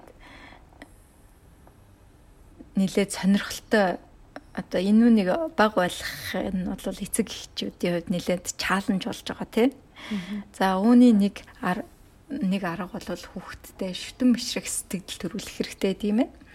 Ингээд шүтэн бишрэх мэдрэмж төрөхөр хүн өөрийгөө жижиг гэдгийг мэдрээд ирэхээр өөрийгөө ертөнцийн төв гэж бодхоо болд юм байна.